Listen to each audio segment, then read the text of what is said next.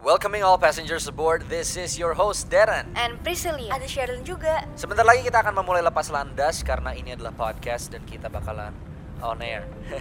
Jika ada yang kebelet buang air, dipersilakan untuk menggunakan toilet yang terletak di belakang kabin. Jika semua sudah siap, fasten your seatbelts. Sit back, relax, and enjoy, Enjoy the the show.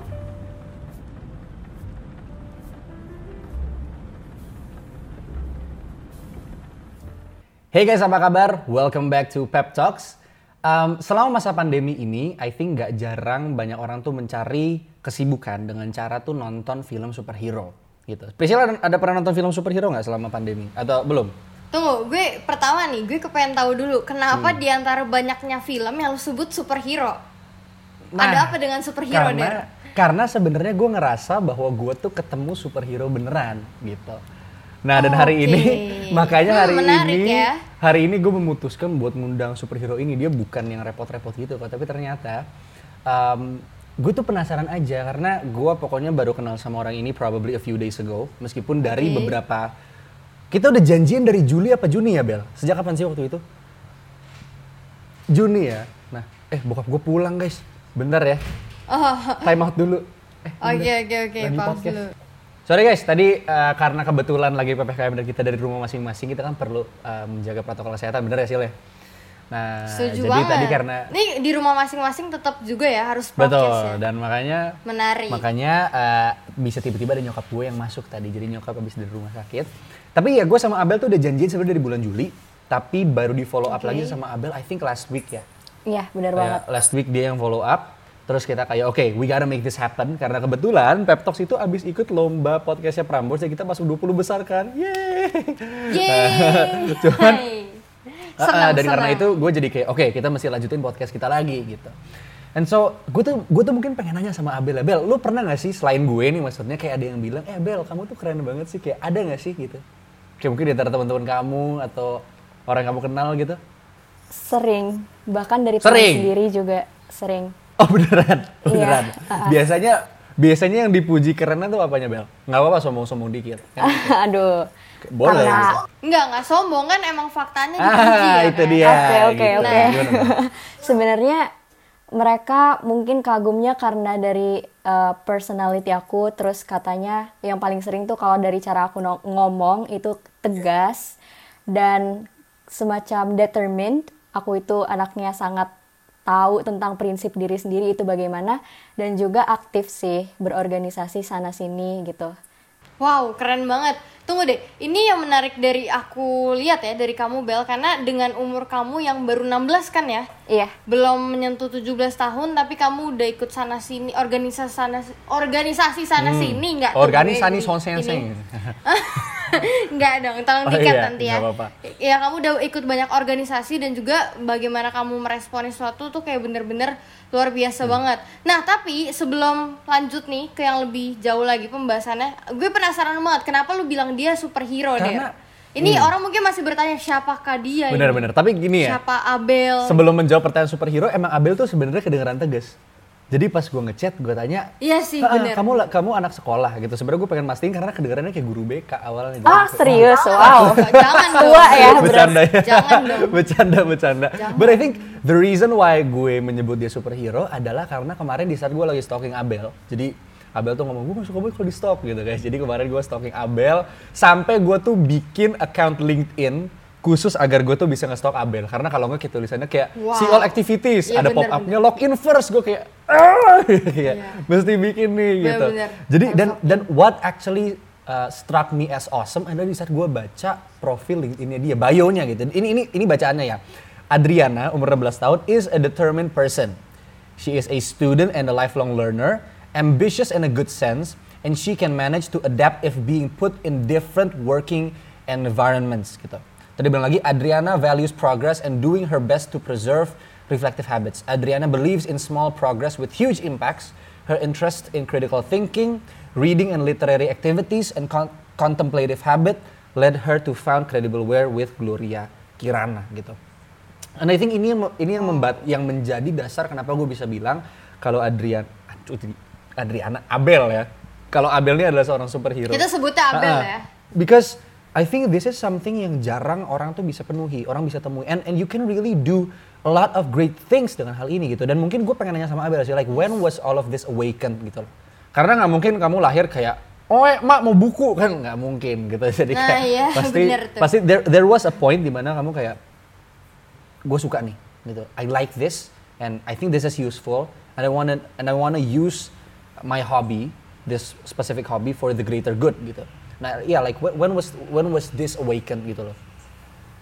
Em, tepatnya kapan muncul keinginan untuk aktif sana sini menggunakan apa ya semacam kesadaran diriku aku juga kurang tahu tapi aku supaya biar objektif nggak dari aku doang aku kemarin tanya nih ke kakak sepupu aku yang lumayan deket dari kecil dan dia bilang pada intinya dari dulu tuh aku selalu nanya hal-hal kecil serandom apa pun. Misalnya kalau aku mau ke eh, rumah keluarga gitu aku bakal tanya kita mau ke rumah siapa? Terus kenapa kita harus ke rumah dia? Terus misalnya di orang Batak sebutan tante itu inang uda.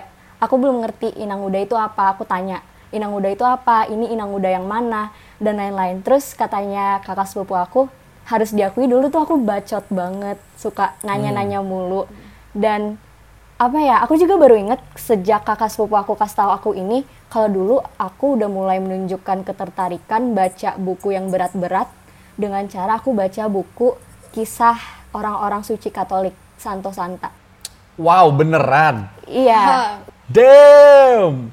How old were you? delapan kayaknya Oke, itu umur 8 gue sama Dara mungkin kita lagi main apa tuh Dar? Aku, gue jujur umur 8 masih kayak, oh, hi everybody, it's me, Mickey Mouse.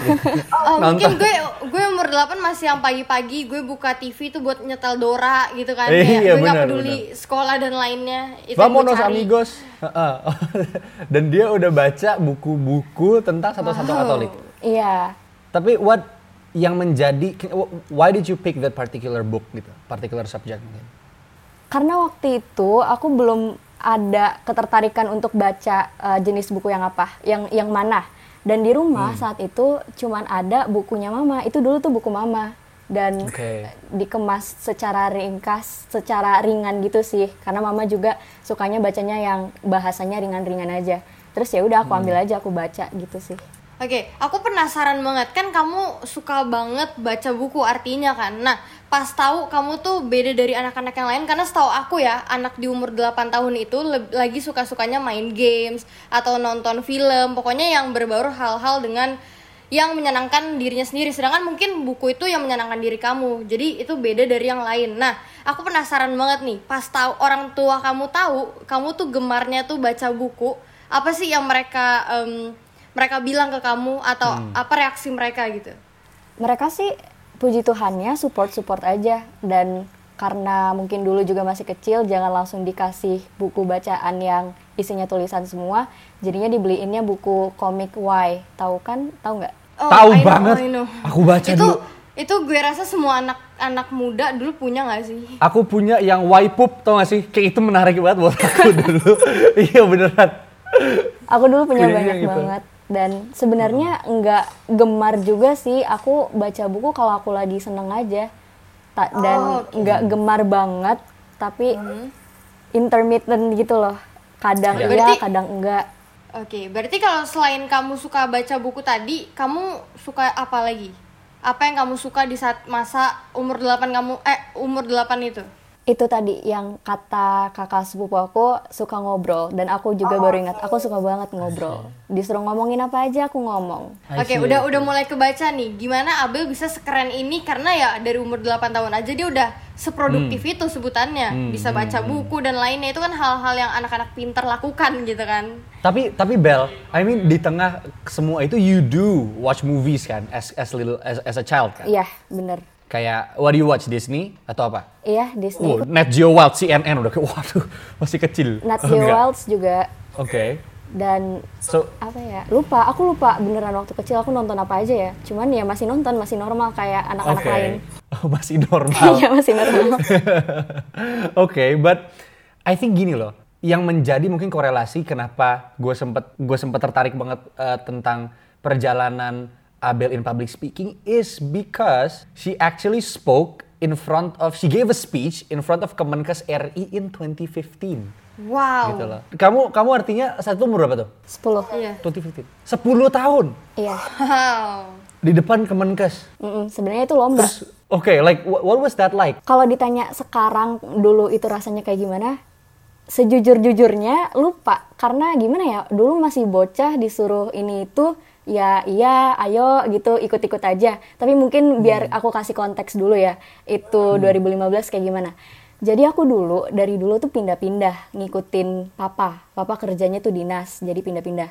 Aku sempat di Wow. Jakarta, terus pernah ke Jayapura di Irian Barat, terus pernah ke Pematang Siantar juga, baru balik ke Jakarta lagi. Nah, pada tahun 2015 itu posisi aku sebagai anak baru di Jakarta di di SD aku. Nah, tiba-tiba adalah lomba ini namanya Olimpiade Duta Cilik Kesehatan Indonesia. Nanti eh, kayak pemenangnya dijadiin duta cilik kesehatan bareng Menteri Kesehatan saat itu. Nah, Oke. aku langsung ditunjuk sama guru BK untuk mewakili sekolah Wow. aku itu SD. Kayak udah keciri Wow. ya, anak ini yang harus gue tunjuk gitu. Iya. Eh, Sebenarnya aku juga kaget banget kan, kayak gila, gue baru satu tahun di sekolah ini, kenapa tiba-tiba langsung ditunjuk? Dan aku tanya, aku beneran langsung nanya ke gurunya, kenapa saya bu? Terus gurunya dengan jujur jawab karena kamu cerewet, karena kamu cerewet dan dan dan karena kamu pede dan karena kamu pede, karena kan eh, mungkin gurunya udah tahu kalau finalnya nanti dalam bentuk eh, speech ya atau presentasi gitu dan ya udah aku iyain aja iyain aja karena masih bocah juga nggak berpikir lebih lanjut bakal gimana gimana terus eh, setelah aku iyain iya iyain aja tiba-tiba masuk final. Dan finalnya itu speech atau presentasi itu. Dan fun fact juga di present di final itu diperbolehkan untuk pakai alat peraga kecuali PowerPoint. Dan aku satu-satunya peserta yang nggak pakai alat peraga. Terus Terus terus gimana kelanjutannya? ya itu sebenarnya awalnya aku takut gitu kan. Eh, aku rasa tapi itu kayaknya nilai tambah deh untuk untuk pakai alat peraga karena yang me- yang bilang nggak perlu alat peraga itu papi aku. Terus eh, papi aku bilang enggak malah ribet karena kamu juga harus perlu pegang mic mikrofon. Terus eh, akhirnya orang tua aku ngajarin kayak eh, untuk menggantikan alat peraga tersebut kamu harus dalam tanda kutip menguasai panggung dan akhirnya Wow. aku aku lakukan aku jalan biar lebih interaktif kayak kalau peserta lain diem gitu aku jalan jalan ke sana kemari ngajak ngobrol gitu Wow, wow, keren Wow. banget. Itu itu hal yang menarik banget ya karena anggapnya di saat kamu tuh nggak nggak punya apa yang peserta lain miliki yaitu alat peraga, kamu nih bawa tangan kosong cuma dengan mic yang kamu punya dan eh, mungkin beberapa kata dari dari apa yang kamu ucapin tapi kamu ngelakuin itu dengan beda. Yaitu kamu cari cara gue nggak punya alat peraga apa yang harus gue lakuin? Yaitu adalah dengan cari cara kamu menguasai panggung itu sendiri. Di saat yang lainnya punya alat peraga tapi mereka nggak menguasai panggung mungkin aja. Wow itu hal yang keren banget ya asli gue tuh ngerasa sangat ini dekat bukan berarti dekat temenan tapi berarti kayak ada connection yang dekat antara gue Prisil dan Abel gitu. Karena ternyata gue tuh sebenarnya kenal Abel karena kamu tuh bikin organisasi namanya Credible Wear ya kan? Yang tentu aku pengen bahas ini later nih. Iya, cuman yang menarik adalah aside from Credible Wear kamu tuh juga kamu tuh juga terlibat in di Become More Indonesia sama di Gores Denai gitu di mana we actually interviewed the founder of Gores Denai ya kan? Gue ada ada chief eksekutif apa gitu? Gue lupa gue ngebully Aisyah di situ ya cuman gue lupa nih. Tapi iya we actually interviewed Aisyah yang notabene adalah penemunya Gores Denai juga back in December 2020 gitu. Yes jadi sebelum Nah, podcast ini ada podcast sama Aisyah dulu. Ya, kalian masih nonton itu juga guys. Dan um, mungkin my question would be kayak kamu kan uh, SMA 2 ya kan? iya Dan mungkin kamu udah kamu terlibat dari organisasi se- uh, sejak kapan? About maksudnya join Become More Gordon gitu-gitu. Eh, pertama banget itu Become More Juni 2020 Oh, baru ya?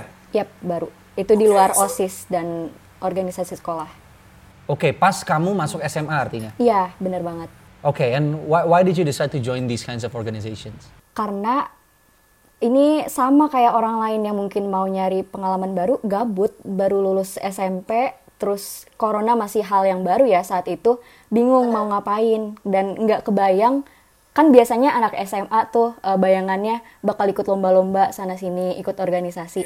Tapi karena corona masih baru aku bingung gitu belum ada bayangan kegiatan anak SMA pas online itu kayak gimana sih? Kalau sama aja males ah osis karena ya capek-capekin diri masih online gini ikut osis yang sibuk kan Dan lagi pula juga acaranya pun juga secara online kan, nggak ada yang suatu hal yang menarik banget gitu loh. Iya bener banget. Jadi aku nggak tertarik ikut osis lagi karena SMP udah osis dan pengen coba hal yang baru tapi masih berhubungan dengan organisasi.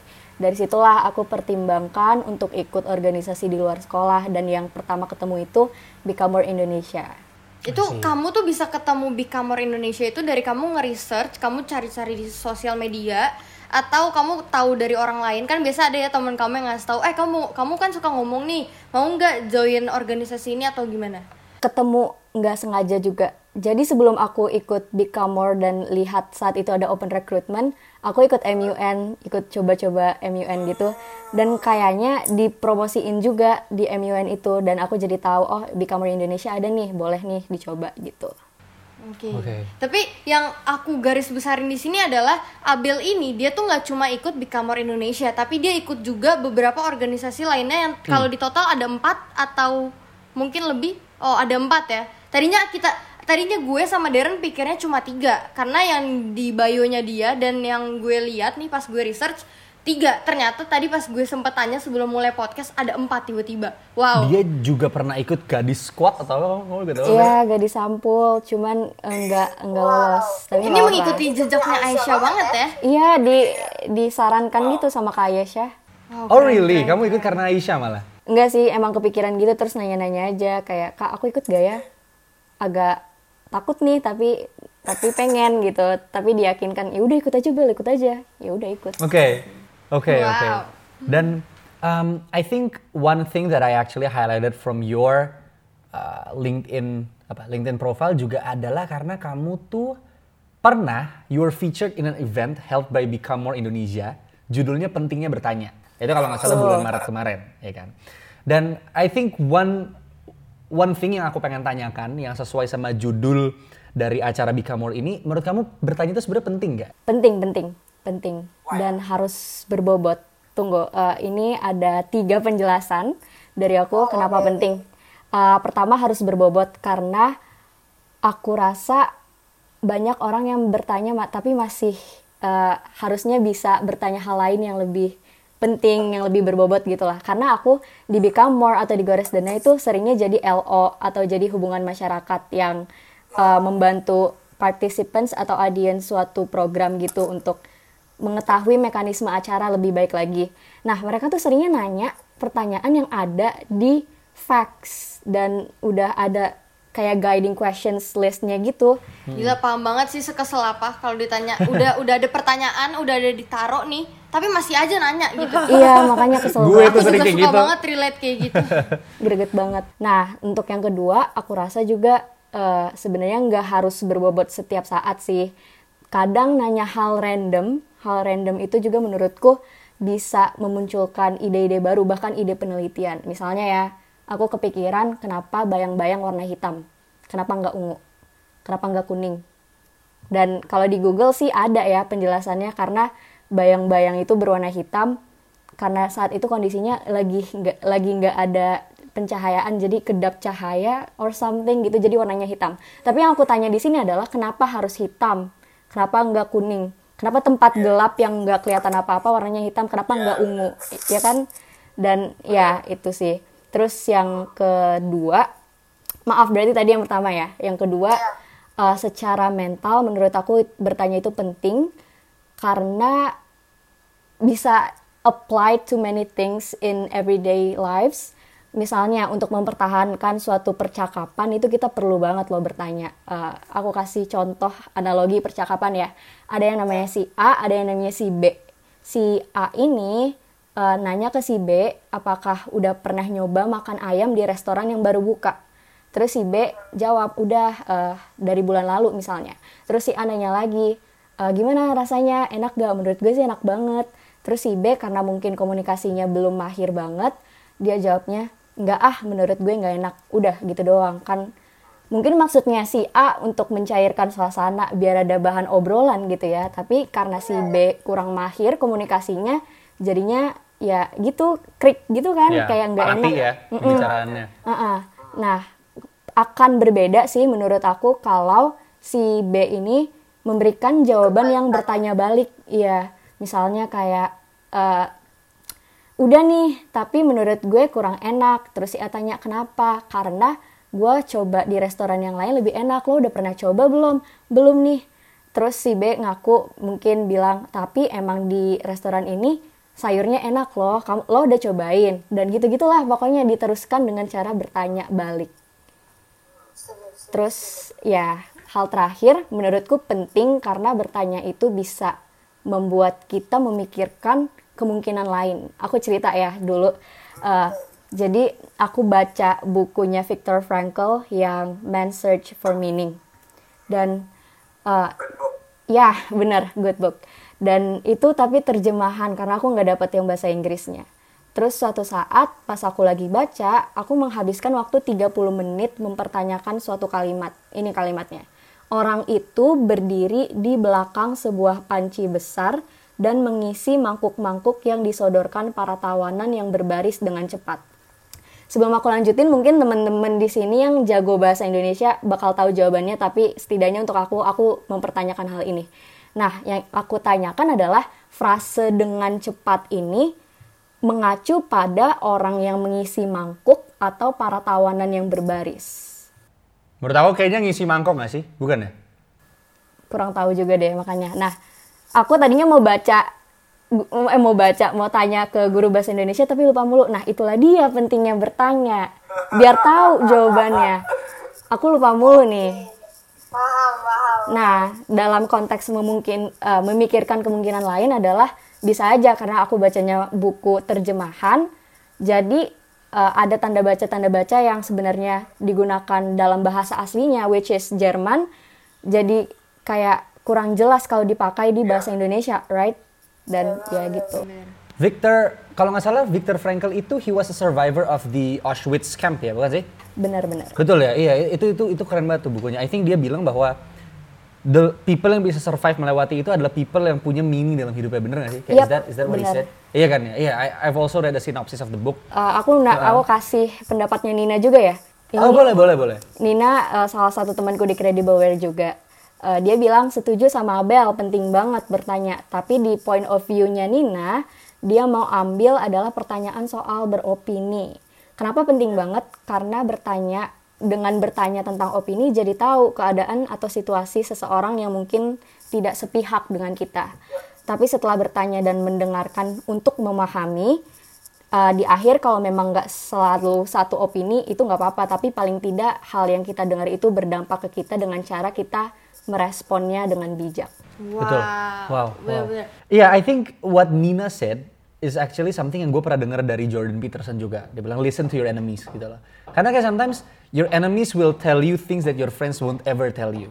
Ya kan? Yes. Dan sometimes in an argument kayak kayak contoh ada cowok sama cewek pacaran terus mereka berantem gitu kan. I think kadang-kadang tuh some people tend to gue mau menang tapi gue nggak mau dengerin argumen lu gitu loh. Dan I think itu yang salah karena kita bukan pengen menang tapi kita pengen menemukan jalan keluar betul kan ya. Dan pastinya lu pasti ego wants to win pasti gitu loh. Tapi Jordan Peterson bilang gila gue ngefans banget sama dia ya. Tapi dia bilang kayak iya listen gitu. Karena siapa tahu dia punya sebuah sudut pandang yang berbeda dari lu yang sebenarnya bisa menjadi kunci untuk masalah lu gitu. kan. Yes, bener But I can also I can also recall with what Abel was saying gitu. Kayak dia suka bertanya padahal itu cuma masalah panci. Itu kamu catat atau kamu ingat di kepalamu kalimatnya apa? aku catat Oke, aku kira kamu ingat, aku kira kamu kayak punya pictographic memory. Tapi sama aku juga kadang tuh suka berpikir ya Bel, kayak kalau kalau kamu nonton Avengers, kan kayak si Thanos mau he wants to apa sih? uh, wipe half Uh, of the universe Wipe half of everything gitu kan ya. Nah, jadi kadang tuh aku kayak agak berpikir what does it mean by half of everything gitu. Karena like if you wanna cut half of everything, there's gonna be a half of the halves gitu loh. Ngerti kan? Filsafat ya, In the- iya, ngerti. Iya, jadi kayak in the same way kayak misalnya kalau uh, aku ada kalau kamu pernah dengar gak sih yang tentang uh, ada satu orang ini mau berjalan ke lokasi B, jaraknya 10 meter, Tapi dia harus berjalan setengah dari previous distance-nya. Dan itu terus menerus begitu gitu. Hmm, belum tuh. Nggak pernah denger ya? Pernah denger gak? Jadi kayak misalnya Abel mau pergi ke sekolah nih, garis lurus gitu, perjalanan lurus. Terus perjalanan jauhnya itu 10 meter atau 100 meter deh gitu. Dan for, dan kamu akan menempuh jarak 100 meter ini kamu bagi setengah terus. Jadi kamu pertama jalan 50 meter, terus kan sisa 50, kamu jalan 25. Kan 25 kamu jalan 12,5 gitu. 12,5 kamu potong lagi jadi setengahnya setengahnya sampai seterusnya gitu. Nah, and the question adalah apakah orang ini akan mencapai titik nol gitu, di mana dia akan mencapai ketujuannya gitu. And mathematically it's impossible karena angka apa pun yang kamu belah dua pasti dia jadi angka dan nggak jadi nol, betul kan? Iya. Nah, jadi itu itu it's called a potential infinite gitu loh. Tapi in reality it doesn't mean that there are an infinite number of spaces antara sekolah kamu sama rumah kamu gitu. Nah, jadi it doesn't actually exist ya kan. Nah, jadi I think these kinds of questions is what keeps the mind going ya kan. Nah, tapi maybe one question karena kamu sempat bilang bahwa bertanya itu penting dan segala macamnya, gue ngelihat kalau Indonesia itu adalah semua negara adalah sebuah negara yang di mana kita masih belum punya privilege to ask gitu loh. Emang kita masih banyak banget di uh, dibatasi gitu. Do you, do you think the same way? Do you feel the same way, Bel? Iya, apalagi ada UU ITE. Ups. Oke, oke. Tapi apa kita memang setidak bebas itu, atau apakah itu hanya sebuah ilusi doang gitu loh? Waduh. Mungkin uh, are we safe to ask or not gitu ya. Pertama, mungkin definisikan dulu society kita itu apa dan di mana. Karena menurut aku it's safe kalau society kamu itu terbuka pemikirannya dan paradigma atau kerangka berpikirnya yang dianut itu sejalan atau sejajar. Bukan bukan sama ya karena nggak mungkin sama. Jadi setidaknya sejajar.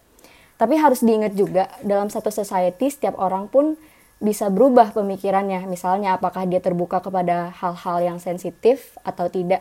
Bisa aja kemarin iya tapi sekarang enggak. Terus besok iya lagi atau gimana lah dan pemikiran orang juga bisa pendapat seseorang bisa berbeda atau berubah karena mungkin ada argumen yang mengubah pemikiran mereka. Dan mungkin aku kasih contoh analogi figur publik yang suka uh, beropini ya dan dia menanyakan opini kepada pengikutnya. Tapi kita asumsikan si figur publik ini merasa aman untuk bertanya kepada pengikutnya gitu karena figur publiknya ini di follow oleh orang-orang yang ter- tertarik sama personal brandnya dia. Ibaratnya kayak penyanyi deh. Penyanyi kan di follow banyak orang karena orang suka sama musiknya atau sama uh, nyanyiannya. Berarti kan anggapannya ya aliran musiknya sama lah kurang lebih atau sejalan searah. Dan ya jadinya si figur publik ini mengasumsikan kalau aman bertanya kepada pengikutnya. Jadi dalam konteks figurnya uh, figur publik ini uh, para pengikutnya memiliki paradigma yang sejalan atau kerangka berpikir yang sejalan tapi apakah opini yang diberikan oleh para pengikutnya itu akan sama semua? Kan enggak. Dan pertanyaannya, bagi figur publik itu, apakah itu aman? Berarti kita juga harus mendefinisikan aman bagi setiap orang dulu. Berbeda bagi setiap orang. Apakah aman dikatakan aman kalau orang-orang berpemikiran sama? Karena kan ada orang yang takut orang lain berpemikiran berbeda kan? Atau aman dari ancaman masuk penjara dan punya opini karena punya opini berbeda atau nanyain hal sensitif? Gitu sih. Nah, gimana tanggapan kamu? Kan tadi em, Darren ada bahas ya tentang kita tuh sebenarnya kalau bertanya apalagi ter, eh, terkhususnya ya di negara ini tuh banyak banget peraturan-peraturan yang bikin kita tuh jadi takut untuk bertanya gitu. Karena takutnya di saat kita mengeluarkan pertanyaan nanti jadinya malah masalah di em, publik ya kan?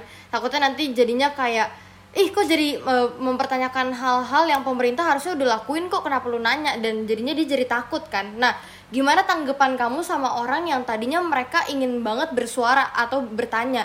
Tapi karena adanya ketakutan itu karena mereka eh, ngelihat banyak orang yang udah bertanya malah jadi disalahkan nah gimana em, respon dari eh, Abel sendiri nih ngelihat adanya hal kejadian seperti itu? Karena nggak sedikit dari orang yang aku tahu mereka itu sebenarnya ingin bertanya nih.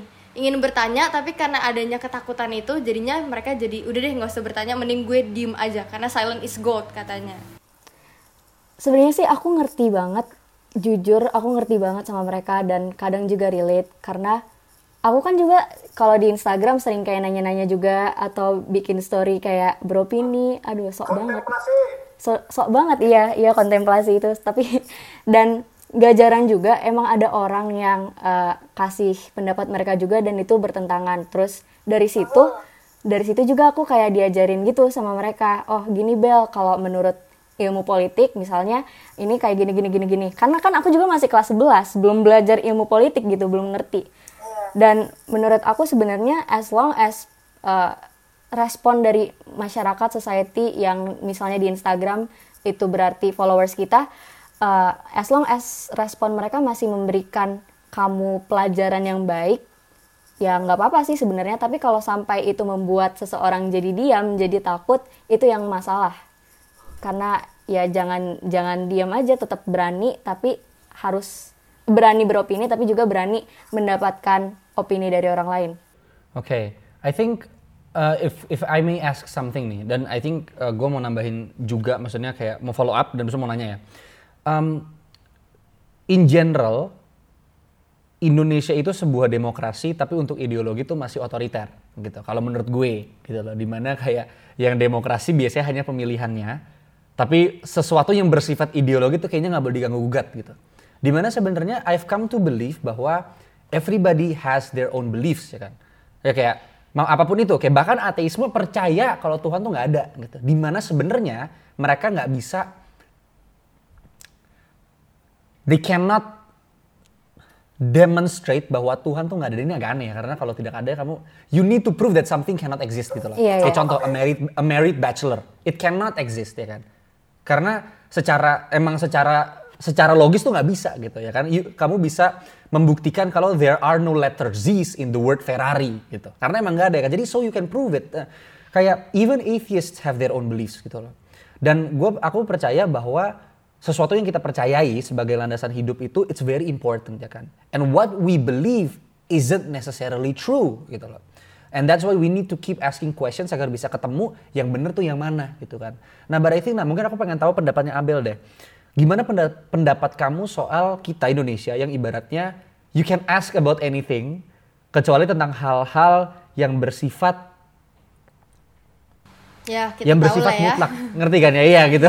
Kayak yang yang bersifat seperti itu gitu loh. Mungkin yang bikin jadi takut itu sebenarnya dari eh, apa ya stigma yang dari masyarakatnya juga. Misalnya kayak kalau orang yang kompas politiknya lebih ke komunis itu langsung dimusuhin karena komunis katanya nggak percaya nggak percaya Tuhan padahal enggak. Bahkan Plato masih Plato bilang masih komunis itu masih mengakui adanya Tuhan dan lain-lain. Jadi Ya. miskonsepsi miskonsepsi yang ada di masyarakat itu sih yang yang lebih bikin takut untuk bertanya atau beropini. Dan dari pemerintah juga kadang suka menghakimi juga sih melalui UU ITE itu membatasi kan. Ini pembahasan yang bisa jadi pro dan kontra nih buat banyak orang. Tapi aku sekarang mau coba fokus ke Oke, kalau tadi kan udah ngebahas tentang bertanya itu sebenarnya penting ya, karena dari bertanya itu kita dapat banyak pelajaran juga dan jadinya kita tuh nggak yang kata orang bilang tong kosong nyaring bunyinya, karena kita apa yang kita penasaranin, apa yang jadi eh, pertanyaan kita udah terjawab semua karena kita mau dan kita berani bertanya. Nah, tapi menurut Abel sendiri karena aku ngeliat kamu nih orang yang sangat amat em, pintar, kamu eh, pintar bertanya dan kamu juga wah menurut aku kamu smart person banget sih. Jadi aku mau tahu nih eh, untuk orang-orang yang bisa dibilang eh, memiliki edukasi yang lebih seperti kamu dan eh, anggapnya anggapnya bener-bener yang udah udah terba- terbangun lah ya edukasinya. Nah itu tuh menurut kamu adalah hal yang penting nggak sih em, buat buat di masyarakat ini karena em, apakah eh, dengan adanya edukasi itu menjadikan kita orang yang baik atau bisa dibilang a good person atau menurut kamu nggak juga? Nah gimana tuh menurut kamu? menurut aku dan Lea dan Nina aku nanya juga ke mereka uh, sama-sama Uh, sam- kita bertiga di Credibleware jadi aku tanya kita sama-sama setuju kalau itu tidak benar ya. Karena aku mau membawa uh, kayak apa slogan terms yang bilang sains tanpa etika itu gila. Ya berarti udah jelas dong kalau menja- kalau pendidikan atau kecerdasan seseorang tidak menjamin seseorang itu baik secara moral. Dan mungkin tadi yang Darren sempat singgung tentang ateis uh, kayak apa ya kita sesimpel tidak bisa membuktikan ada Tuhan tapi nggak bisa juga membuktikan Tuhan itu nggak ada. Kan nah aku mengambil dari eh, agnostik agnostik gitu ke, eh, Iya itu. Uh, aku ambil contoh dari situ ya, karena kan edukasi dalam KBB itu artinya perihal pendidikan, berarti ranahnya luas, cakupannya luas. Ambil contoh dalam hal rohani atau agama deh. Uh, ada seseorang yang agnostik, tapi dia baik banget.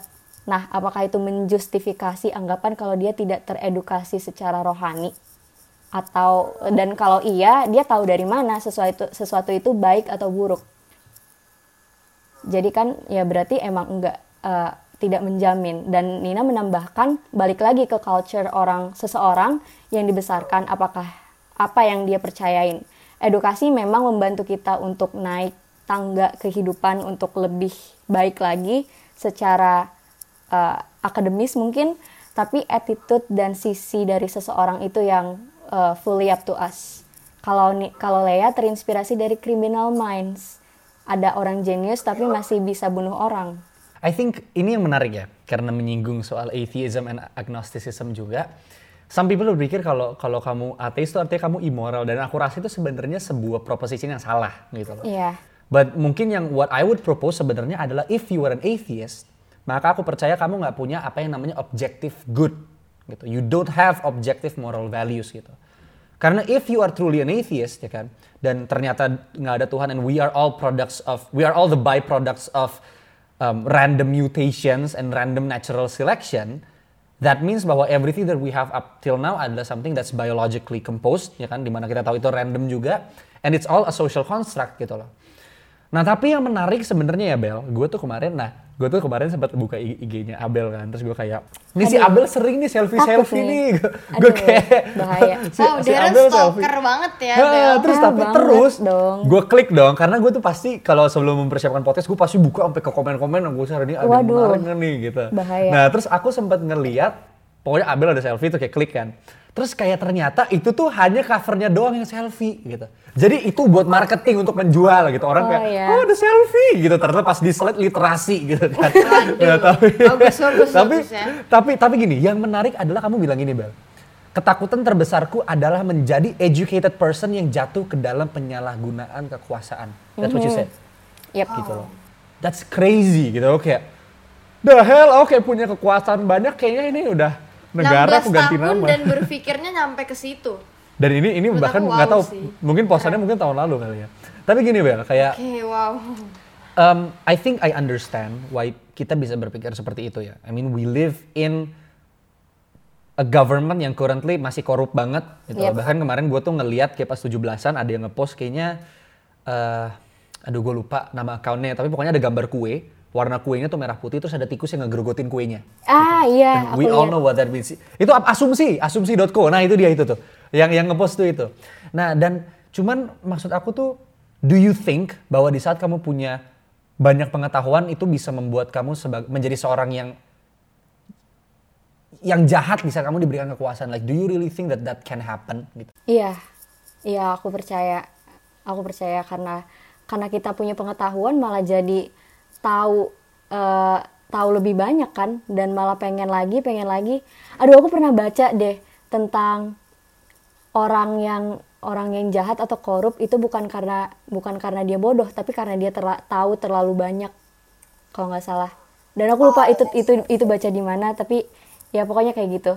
Dan contohnya kayak banyak gak sih politikus Indonesia yang eh, yang lulusan dari luar negeri tapi pulang balik balik balik ke Indonesia. Bentar lagi di take down kita punya podcast. Gak mau bel lanjut bel. balik balik ke Indonesia jadi tukang komentar doang kan tanpa Ah, betul, betul. itu gerakan Betul, nyata, betul. tindakan nyata. Hmm.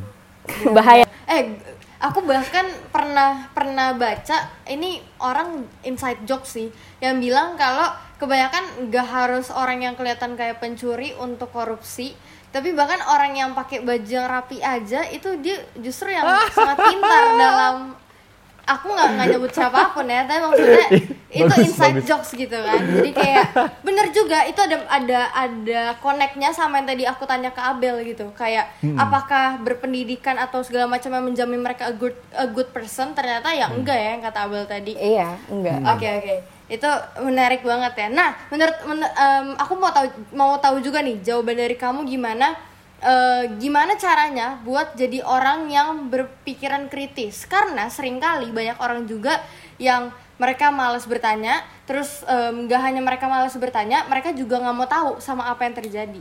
Sebenarnya Nah. mungkin kalau boleh tahu lebih ke ini ya, society itu lebih nge-brainwash mereka untuk menerima sesuatu kayak ditelan aja gitu, Iya. tanpa diolah gitu kan. Dan I think kalau misalnya Indonesia punya isu radikalisme ya kan, segala macamnya, I think it would be because mereka nggak diajarkan untuk bertanya gitu loh. Nah ya. Dan jadinya so, mereka menelan bulat-bulat aja informasi yang belum tentu benar adanya. Betul, Nah. betul. Gimana Tapi sebenarnya menurut aku juga walaupun udah ada informasi nih, belum tentu belum tentu itu yang benar-benar terjadi gitu loh. eh, yang Nah, diberitakan iya, oleh dia. media.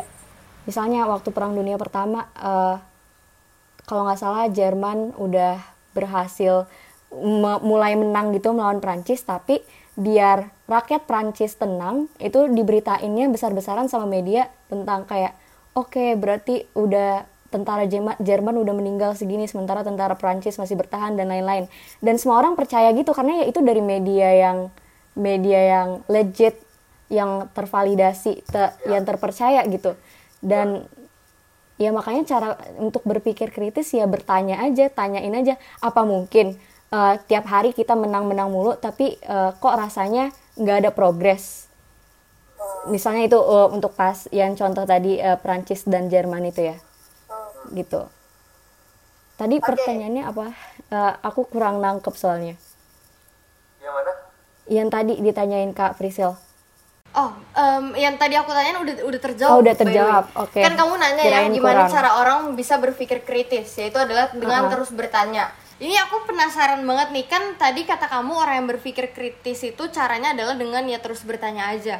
Nah, tapi gimana sama orang-orang yang mereka sering kali introvert, ngerasa dirinya introvert terus aduh buat mau buat bertanya aja tuh nggak berani gitu karena malu. Nah, mungkin kamu bisa kasih sedikit tipsnya dan mungkin bisa di-share juga eh, ada gak sih panutan yang jadiin kamu ada di ada sampai Abel yang berani bertanya bahkan pasti nggak jauh-jauh dong ada juga panutan yang bikin kamu bisa ada sampai hari ini nah boleh dong di share gitu Ha, ha, ha. Sebenarnya eh, sebelum aku jawab, aku rasa orang yang berani bertanya atau enggak itu enggak ada eh, tidak berhubungan dengan dia introvert atau extrovert ya. Karena jujur aja aku kan extrovert nih. Aku juga sering masih sering malu malu nanya tahu. Karena aku merasa apakah berarti terlalu siapa pun random. bisa malu bertanya ya Iya. Hmm? Iya. Ini anak aja ya, udah prestasi sebanyak gini pas ngobrol sama gue, aduh Deren aku malu banget, aku udah, aku semprot kamu pakai hand sanitizer. nah wah mateng Aduh, dimarahin nih guys. Bercanda maaf, ya, maaf, guys. maaf. Terus, Eh, terus. Aku rasa sebenarnya hal paling simpel itu adalah menanyakan ke diri sendiri, tanya perasaan kamu. Eh, misalnya lagi marah nih, kamu tanyain kenapa marah, kenapa kenapa gampang banget marah sama hal ini. Misalnya kalau kamu marah pada hal yang sama, padahal kelihatannya mungkin itu hal sepele, kamu tanyain kenapa kamu marah, Eh, penyebabnya apa. Itu kan udah mengkritisi perasaan diri sendiri untuk diri kamu sendiri gitu loh setidaknya. Dan untuk perkembangan diri kamu juga bisa.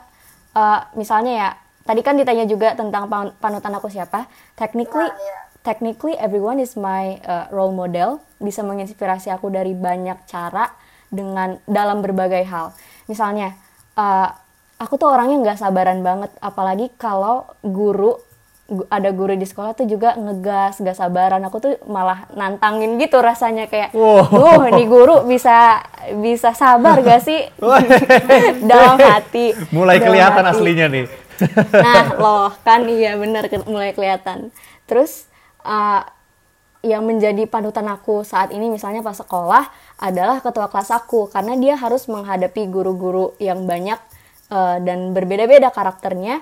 Dan dia tuh sabar banget. Dia uh, cara menjawab guru, cara menghadapinya tuh sabar banget. Dan ada ada ada bagian dari cara dia berkomunikasi itu memang menenangkan. Dan dari situ aku bertanya apa yang bisa aku uh, improve apa yang bisa aku kembangkan dari cara aku mengelola emosi ketika berhadapan dengan orang yang bikin aku nggak sabar gitu. Itu kan juga mengkritisi diri sendiri apa yang bisa di dikembangkan dari dalam diri apa yang apa yang masih kurang dan kalau boleh cerita jujur juga dibanding dengan awal-awal aku masuk SMA sekarang setelah aku refleksi mengkritisi diri sendiri aku sekarang jauh lebih sabar dengan guru-guru. Kalau kalau ngomongin panutan nih Bel, tadi pas kita sebelum mulai podcast, pas aku masih pas aku masih di mobil, kamu tuh sempat bilang kalau ada video pep talks yang selaras sama Credible Wear, bener gak sih? iya Itu video yang mana sih? Boleh tahu nggak? Penasaran banget nih. videonya yang suara Oh beneran? iya ah, ah. Eh, jujur suara tuh favorit aku juga sih. Itu first video sih. karena kan aku juga nge-stalk pep talks biar biar biar nggak kalah eh, di iya. juga ya kan.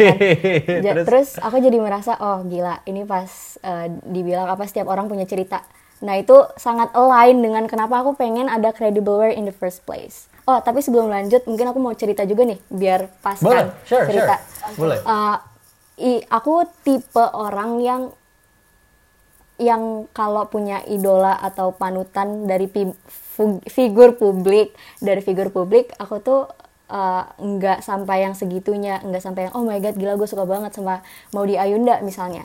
Dan nggak ada panutan utama dari figur publik gitu. Karena aku rasa yang bisa diambil dari mereka itu sama aja dari semua orang ya. Misalnya aku ngambil uh, nilai semangat untuk belajar dari Maudy Ayunda. Tapi kalau aku menerapkan semua strategi dia menjalani hidup ke dalam hidup aku yang jelas-jelas beda itu sama aja bunuh diri secara identitas kan dan privilege Damn! kita beda Oke, sorry guys. Ya kaget, bener, bener, bener. bener. bunuh diri secara identitas kaget aja, bagus karena kalimatnya. Terus, terus. It's okay. Terus ya udah, jadinya emang aku juga dika- dibilang sama papa dari dulu, kamu kalau suka sama seseorang, suka mengi- mengagumi ya, kamu kalau suka sama seseorang tuh jangan jangan berlebihan juga ya, karena kalau kamu tahu aslinya juga kamu bisa kecewa. Dan kita beda, Eh, kamu bukan dia, dia bukan kamu, jalan hidup kamu beda. Selalu diingetin gitu sama papa. Jadi selalu teringat. Dan ya eh, karena tadi kan aku udah bilang technically everyone is my role model. Uh, tapi ada dua figur yang constantly inspiring me and those are my parents. Dan uh, ini ini yang kenapa aku bilang aku suka bercerita karena aku bisa aku akan menceritakan hal-hal yang mungkin gak kelihatan di mata orang. Kedua orang tua aku kalau dilihat sama orang lain mungkin kelihatan biasa aja. Apalagi mama aku. Mama aku cuma ibu rumah tangga yang bukan wanita karir gitu. Tap, dan aku rasa ini juga merupakan privilege aku karena kedua orang tua aku adalah uh, masing-masing punya karakter dominan tapi saling berkontradiksi. Papa aku itu orangnya cenderungnya ke otak pakai otak kiri. Dia tuh tegas, to the point, terus nggak mau manjain anaknya. Papa aku tuh bukan tipe yang uh, semangat ya Abel sayang, nggak nggak aku nggak pernah, aku jarang banget dipeluk pas udah remaja, jarang banget bahkan kayaknya nggak pernah. Kayak bukan tipe yang gitu deh kalau aku nangis di depan dia juga eh, disuruh diem paling bukan disayang-sayang. Dan tapi eh, iya at first aku juga dulu bertanya-tanya kenapa ya kok bapak gue kayaknya eh, beda nih dari bapak orang? gitu. Tapi sekarang aku belajar untuk gimana ya aku melihat dari sudut pandang lain kalau dari karakter papa aku itu aku belajar untuk mandiri secara mental. Dan dari apa traitsnya papa aku aku juga jadi belajar untuk bekerja keras cause he's a hard worker dan jujur. Terus itu yang dia menginspirasi aku untuk uh, ikut organisasi ini uh, belajar mandiri. Kalau misalnya guru nggak ngajar ups bahaya nih. Sorry. Dan Oh, lain-lain. Ya ini episode terakhir Pep Talk sih guys. bahaya sorry sorry Amit, sorry amit. aduh aduh terlalu terlalu ingin menghujat Gak apa-apa, gak ya. apa-apa. Bagus Bel, bagus. Beropini. mungkin aku kasih contoh eh, contoh papa aku yang tegas dan gak mau manjain aku secara mental ya kemarin nih waktu aku deg-degan untuk podcast ini aku tanya dong ke papi aku papi menurut papi aku orangnya gimana cuma dia jawab kenapa terus aku tanya lagi aku, eh, aku aku udah tahu tuh aku kan kenal papa aku. Aku langsung tahu oke berarti papa aku pengen nggak mau aku basa-basi aku eh, papa aku pengennya aku langsung to the point. Ya udah aku langsung bilang aku deg-degan nih podcast. Aku merasa again nggak eligible gitu nggak qualified. Terus terus a- aku kan of course dengan eh, sama dengan orang anak-anak remaja lain apalagi anak perempuan ke papanya pengen yang kayak dikuatkan gitu yang tenang aja dek gitu santai aja. Tapi tahu nggak jawabannya apa ya udah. Ya udah biar waktu yang menjawab apakah kamu eligible atau tidak. Sumpah. Dan dari situ aku langsung kayak oke oke nggak udah gue nggak usah nanya lagi nggak usah curhat lagi. Udah Tapi- uh, I handle it myself gitu. Mau nanya deh Bel, kayak tapi kamu sama papi artinya sering cerita. iya kita sering banget cerita. Nah, tapi kan kadang biasanya kalau punya seorang, misalnya kayak punya papa atau sosok orang tua yang galak dan mungkin eh, tegas ya, tegas dan kayak nggak begitu kayak, iya Abel saya, semangat ya." Kan pasti orang nggak gitu sering cerita kan, tapi apa yang bikin kamu kayak masih bisa cerita gitu loh. iya Kita jadi makanya. parenting 101 ya. Waduh, Ya, terus, iya ini podcast ke mana-mana nih. Itulah yang sering dibilang juga sama keluarga sendiri kayak unik gitu. Kok Abel sama Papi nyambung banget. Padahal dulu eh, ya dari dulu kayak galak gitu loh. Papi ke aku galak maksudnya tegas banget. Nah, nih mungkin ini masuk nih ke ke kenapa aku bisa berani berani untuk tetap cerita. Nah, yang mengimbangi aku untuk eh, tetap aware sama sekitar, tetap menggunakan feelings, tetap mau percaya ke orang lain dulu meski- uh, meskipun mungkin karakter mereka berbeda itu itu adalah mamaku. Mamaku ini uh, dominannya otak kanan, lebih pakai emosi, perasaan dan lain-lain. Terus uh, mungkin kalau dilihat dari orang lain gitu dari luar ya biasa aja mamanya aku kayak ibu rumah tangga doang dan lebih pakai feelings dan lain-lain. Tapi aku sebagai anaknya melihat dan tahu mami aku itu sebagai seseorang yang menginspirasi aku untuk rendah hati. Rendah hati dalam hal apa? Rendah hati dalam menyisihkan waktu untuk melihat situasi. Jadi di keluarga aku nggak ada asisten rumah tangga yang membantu. So basically my mom does everything to keep our house clean and neat.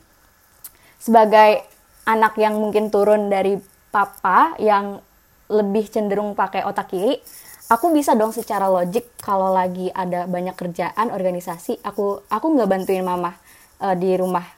Aku bisa melihat mungkin rumah masih berantakan gitu tapi aku nggak bantuin. Dan aku bilang aduh ma lagi banyak tugas nih eh, banyak deadline dan lain-lain. Tapi dengan adanya mami aku yang eh, masih memikirkan orang lain dari perasaan itu mengajarkan aku untuk rendah hati untuk melihat lingkungan sekitar yaitu dengan ada berempati untuk bantuin gitu loh Se- sesibuk apa pun aku aku selalu menyisihkan waktu setiap hari setidaknya bantuin satu pekerjaan rumah Wow. aku suka cara kamu memandang segala sesuatu tuh into a positive. Eh, gini ya, banyak orang yang banyak orang yang sering kali mereka tuh menganggap segala sesuatu atau melihat segala sesuatu dari sisi negatifnya dan mereka nggak ngelihat itu sebagai hal yang positif. Sorry to say ya, tapi aku bisa bilang mungkin aja dengan sikap apa kamu yang mungkin kelihatannya di mata orang ih kok gini banget responnya? Padahal kan anak perempuannya eh, mau mau cerita atau curhat. Tapi eh, mungkin banyak mereka yang menganggap itu hal yang negatif. Tapi kamu sendiri ngelihat itu adalah hal yang positif. Karena dari situ kamu belajar untuk jadi pribadi yang eh, mungkin mungkin aja kamu bisa memutuskan segala sesuatunya sendiri nggak manja. Dan mungkin banyak hal positif lainnya. Begitu juga sama mama kamu yang em, yang lebih mengandalkan eh, yang lebih menggunakan otak kanannya dia yang untuk bekerja dan segala macamnya. Itu hal yang keren sih. Jadi cara kamu memandang segala sesuatu jadi hal yang positif itu luar biasa banget. Uh, mungkin mau nambahin juga kenapa Boleh, aku boleh. memandang uh, bisa memandang orang uh, dari positifnya dan untuk perkembangan diri aku dan aku justru bersyukur karena papa aku tegas. Just for your information tapi aku nggak akan menceritakan mengapanya tapi long story short I got bullied. Aku dulu dibully waktu SMP aku umur tu- 12 tahun. Ini bukan aku melebay-lebaykan tapi emang dibully. Terus umur bocah umur 12 tahun dibully eh, sama tiga angkatan ngapain sih? Maksudnya kayak nangis dong pasti. Terus aku pulang ke rumah. Aku nangis terus eh, ya pengen dimanja dong pasti. Masih bocah perempuan lagi nangis dibully pengen dimanja lah. Eh, dan karena ngelihat film juga kan biasanya bapaknya ambil eh, turun tangan kan gitu. Terus aku manja aku nangis di depan papi. Tahu nggak jawabannya apa? Kamu kenapa? Cuman ditanya kamu kenapa? Terus aku jawab dibully eh, terus eh, nggak tahu deh aku lupa jawabnya apa tapi ya eh, dibully gitu. Terus cuman eh, papi aku cuman bilang terus kamu sekarang mau ngapain? Gitu doang. Gitu doang. Dan dari dan dari dari papi aku ngomongnya kamu mau ngapain? Nggak ada ngomong papi bisa bantu apa? Berarti itu menandakan kalau oke itu urusan kamu bukan urusan papi gitu kan. Jadi ya. Eh, mungkin ada pertanyaan yang khusus dari aku gimana caranya kamu kamu melihat itu sebagai suatu hal yang positif? Di saat itu mungkin bagi banyak orang yang lagi butuh didengarkan apalagi kamu yang lagi bisa dibilang stres nggak sih? Udah dibully dibulinya tiga angkatan sekaligus lagi kan? Gimana cara kamu melihat itu sebagai hal yang positif? Sedangkan aku sendiri mungkin akan ada kepahitan gitu kayak wah gila gue lagi begini tapi orang tua gue nggak ngerti gitu itu coba gimana? Pastinya awalnya aku sedih sedih juga sih kayak oh shit gak ada orang yang dengerin gue nih gitu. Tapi sekarang setelah aku sekarang di sini eh, aku merasa itu justru berkat bagi aku karena salah satu moti- motivasi aku ikut organisasi sana sini ikut ini itu adalah karena pengen dalam tanda kutip balas dendam kayak ngebully tapi dengan cara berprestasi. And that's why aku merasa kayak oke mungkin kalau dulu gue manja ke bapak gue gue minta dia turun tangan atau gue pindah sekolah gitu ya gue malah kalah dengan keluar. Mereka yang, yang ngebully gue yang merasa menang kan yang ngebully aku yang merasa menang. Dan ya dari situ sih eh, aku mulai bersyukurnya setelah lulus dari SMP aku gitu. Mungkin Bel, I wanna ask you deh. Ini gue sebenarnya banyak banget yang pengen ditanya ini, terutama about popular social issue dan segala macemnya. Tapi aku pengen touch dulu credibleware nih. yes I mean kan kita dari tadi udah sempet senggol dikit-dikit ya about kamu bikin sama eh, Nina sama Lea ya, bener ya? iya Iya kan, terus habis itu kayak ngobrolin tentang oh how our videos align to your uh, vision gitu. Is that a way of putting it? Ya kan? Yes. Nah mungkin mau nanya kayak Credibleware kan baru ada tahun ini, iya gak sih? Ah, ah, benar banget Kayak baru tahun ini ya, karena gue Aku tuh jujur eh, tahu Credibleware karena di bus sama Aisyah. iya Nah baru dari situ kayak oh ya semangat guys Terus kayak apa nih Credibleware gitu kan Iya. Terus pas aku lihat mencoba berpikir kritis Wah gila seneng banget nih Tapi Bel aku ngerasa kayak kamu tuh sering banget kan ngomongin tentang hal-hal Bahkan hal-hal bahkan yang cerita soal ayam tadi itu Perumpamaan ayam itu itu juga ada di posannya KW ya gak sih? iya ah, iya Ada kan? Iya aku kira itu one of your earliest posts kalau nggak salah deh Ah, ah, story story Ha ya di story bener-bener Nah jadi kayak maybe I wanna ask you deh Kayak why did you start Credibleware? Oke, mungkin ini aku ceritain dari ya, penger- sepengertian aku. Uh, yang sebenarnya yang approach aku untuk bikin semacam platform ya, karena kita bukan organisasi, adalah itu Nina. Jadi suatu mal uh, suatu sore Nina nge WA aku bilang, "Eh, Bel, boleh minta pendapat kamu nggak? Eh, men- minta pendapat lo nggak tentang ini, ini, ini, ini, ini?" Dia nomorin pertanyaannya tentang, eh gue pengen bikin platform untuk uh, untuk membuat suatu program. Jadi Nina itu sebenarnya anaknya maunya tuh program yang turun ke jalan, kayak ngajar anak-anak atau volunteers dan lain-lain. Nah, jadi di pikiran dia kalau dia mau bikin program yang turun ke jalan dan kita nggak punya nama platform atau organisasi yang official kan jadi aneh. Jadi eh, sekalian aja bikin deh platform gitu. Nah, terus ya udah aku kasih eh, insight, saran-saran gitu dan aku bilang ini kan juga masih online ya kayaknya belum memungkinkan untuk banyak-banyak turun ke jalan jadi nggak apa-apa deh kita uh, post konten juga mirip-mirip kayak organisasi atau platform lain tapi kita akhirnya menyepakati untuk bikin kontennya itu beda setidaknya bedanya untuk kita untuk eh, secara internal yaitu yang membedakan adalah konten-konten da- dari credibleware, credibleware adalah hasil dari refleksi kami misalnya eh, kita kan eh, kontennya itu eh, merupakan anak konten dari eh, sebuah tema besar per bulan. Jadi misalnya bulan April temanya apa, eh, Mei temanya apa dan lain-lain. Nah Juli kemarin contohnya aja eh, itu temanya tentang comfort zone itu bermula dari refleksinya Nina yang merasa Nina belum keluar dari comfort zone-nya. Seperti itu. Gitu dan akhirnya ya udah aku menawarkan diri untuk yaudah deh gue bantuin lo bikin KW gitu. Oke, nah em, tadi kan kamu bar- berarti baru-baru ini banget ya eh, bikin credibleware itu sendiri. Nah, aku penasaran banget nih, kira-kira ke depannya apa sih yang kamu harapin dari em, adanya credibleware ini? Apakah kamu ingin contoh menjangkau lebih banyak anak muda seperti adanya Gores Denai yang mereka ngebantu orang buat buat bisa dibilang yang untuk mereka yang mau kuliah di luar negeri gitu-gitu nggak Mm, sih? Iya. yang jadi International sendiri. Nah kalau credibleware sendiri kalian tuh arahnya mau ke mana nih harapan kalian dan Sebenarnya lebih ke tujuan awal yaitu eh, turun ke jalan, volunteers, kegiatan-kegiatan gitu. Jadi harapannya pengen lebih banyak program sih, kayak pionir kemarin bulan Juni. Nah, talk to us about Pioneer. Itu tuh singkatan dari Pemuda Indonesia Berpikir Kritis, ya? Iya, wah lebih tahu. Ah, gimana? ceritain Jadi dong, ceritain dong. sebenarnya inspirasinya itu datang dari Become More juga. Aku kan di Become More Indonesia. Nah, More pada pada Januari kemarin bikin lomba studi kasus dan itu kan erat kaitannya dengan berpikir kritis kan. Terus aku refleksi lagi nih, gila Abel refleksi mulu ya. Eh, aku refleksi kalau aku rasa oke eh, lomba studi kasusnya Bikamur bagus, cuman kurang efisien kalau tujuan yang gue inginkan setidaknya itu untuk lebih inklusif. Karena kenapa? Karena yang ikut lomba studi kasusnya Bikamur, yang tahu Bikamur, yang udah privilege, udah tahu Bikamur gitu loh. Karena pesertanya yang dari sekolah yang bagus-bagus juga, dari sekolah yang yang ternama juga ya pokoknya anak-anak yang privilege menggunakan media sosial mereka dengan baik kan. Nah, sementara aku sama Nina kan pengennya ke yang lebih inklusif kayak anak-anak marginal dan lain-lain terus ya udah akhirnya aku kepikiran ide woi gimana kalau bikin program on offline? Gimana kalau bikin program offline yang tu- targetnya ke tujuannya ke anak-anak marginal? Dan saat itu aku kan belum ada pengalaman bikin volunteers atau program dengan anak-anak marginal. Jadinya aku kontak temen aku yang eh, yang udah biasa membuat acara dengan anak-anak marginal gitu program-program untuk mereka untuk collab. Jadi suatu malam kita lagi meeting di Bikamur aku chat aja Bel. Namanya Abel juga guys. Bel eh, collab yuk.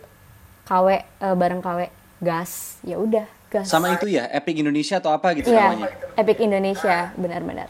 Terus ya udah dari situ kita akhirnya rancang lah, oke kita bakal bikin workshop dulu sama talk show 2, baru deh kita bikin ala-ala lomba studi kasus untuk mereka. Wow, wow.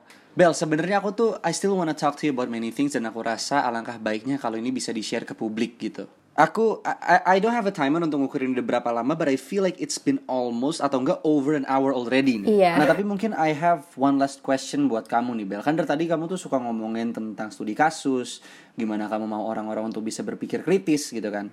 Dan aku rasa dengan adanya media sosial, dengan adanya begitu banyak akses untuk kita bisa tahu keadaan dunia luar ya kan. Bahkan eh, misalnya tentang kasus Taliban dan Afghanistan, I think most of us juga udah tahu apa yang terjadi di sana ya kan. I think it, it makes it really easy gitu. Yang berarti entah kenapa nggak sedikit juga isu-isu luar yang ikutan ke impor ke dalam gitu. Dan pokoknya isu-isu ini tuh banyak banget lah. Dan correct me if I'm wrong, tapi bahkan aku rasa kamu sendiri juga ada ketertarikan dengan isu misogini, bener nggak? Wow, iya. Iya kan, bener kan? Dan I think my question would be, menurut kamu Bel, gimana caranya supaya kita bisa kita nih maksud maksud gue tuh millennials from Indonesia atau people in Indonesia in general ya. Gimana caranya supaya kita tuh bisa meresponi isu-isu itu dengan benar ya kan? Karena outputnya tuh bisa banyak, bisa baik, bisa buruk gitu. Dan we are a democracy ya kan tapi we can only be a good democratic country kalau seandainya kita juga pinter gitu kalau seandainya kita bego-bego semua makanya demokrasinya juga jelek ya kan nah jadi ya that's my question ya mungkin gimana caranya supaya kita bisa menanggapi isu-isu isu-isu tersebut properly gitu Uh, aku kan nanya juga diskusi juga nih ke Nina dan Lea dan kita sama-sama setuju pada poin bahwa kita harus ngerti dulu baru act on it, act upon it, share ke orang lain atau diskusi dengan orang lain. Dan aku juga setuju banget dengan itu. Tapi aku mau nambahin kalau um, kita juga harus punya stances yang kuat terhadap suatu isu.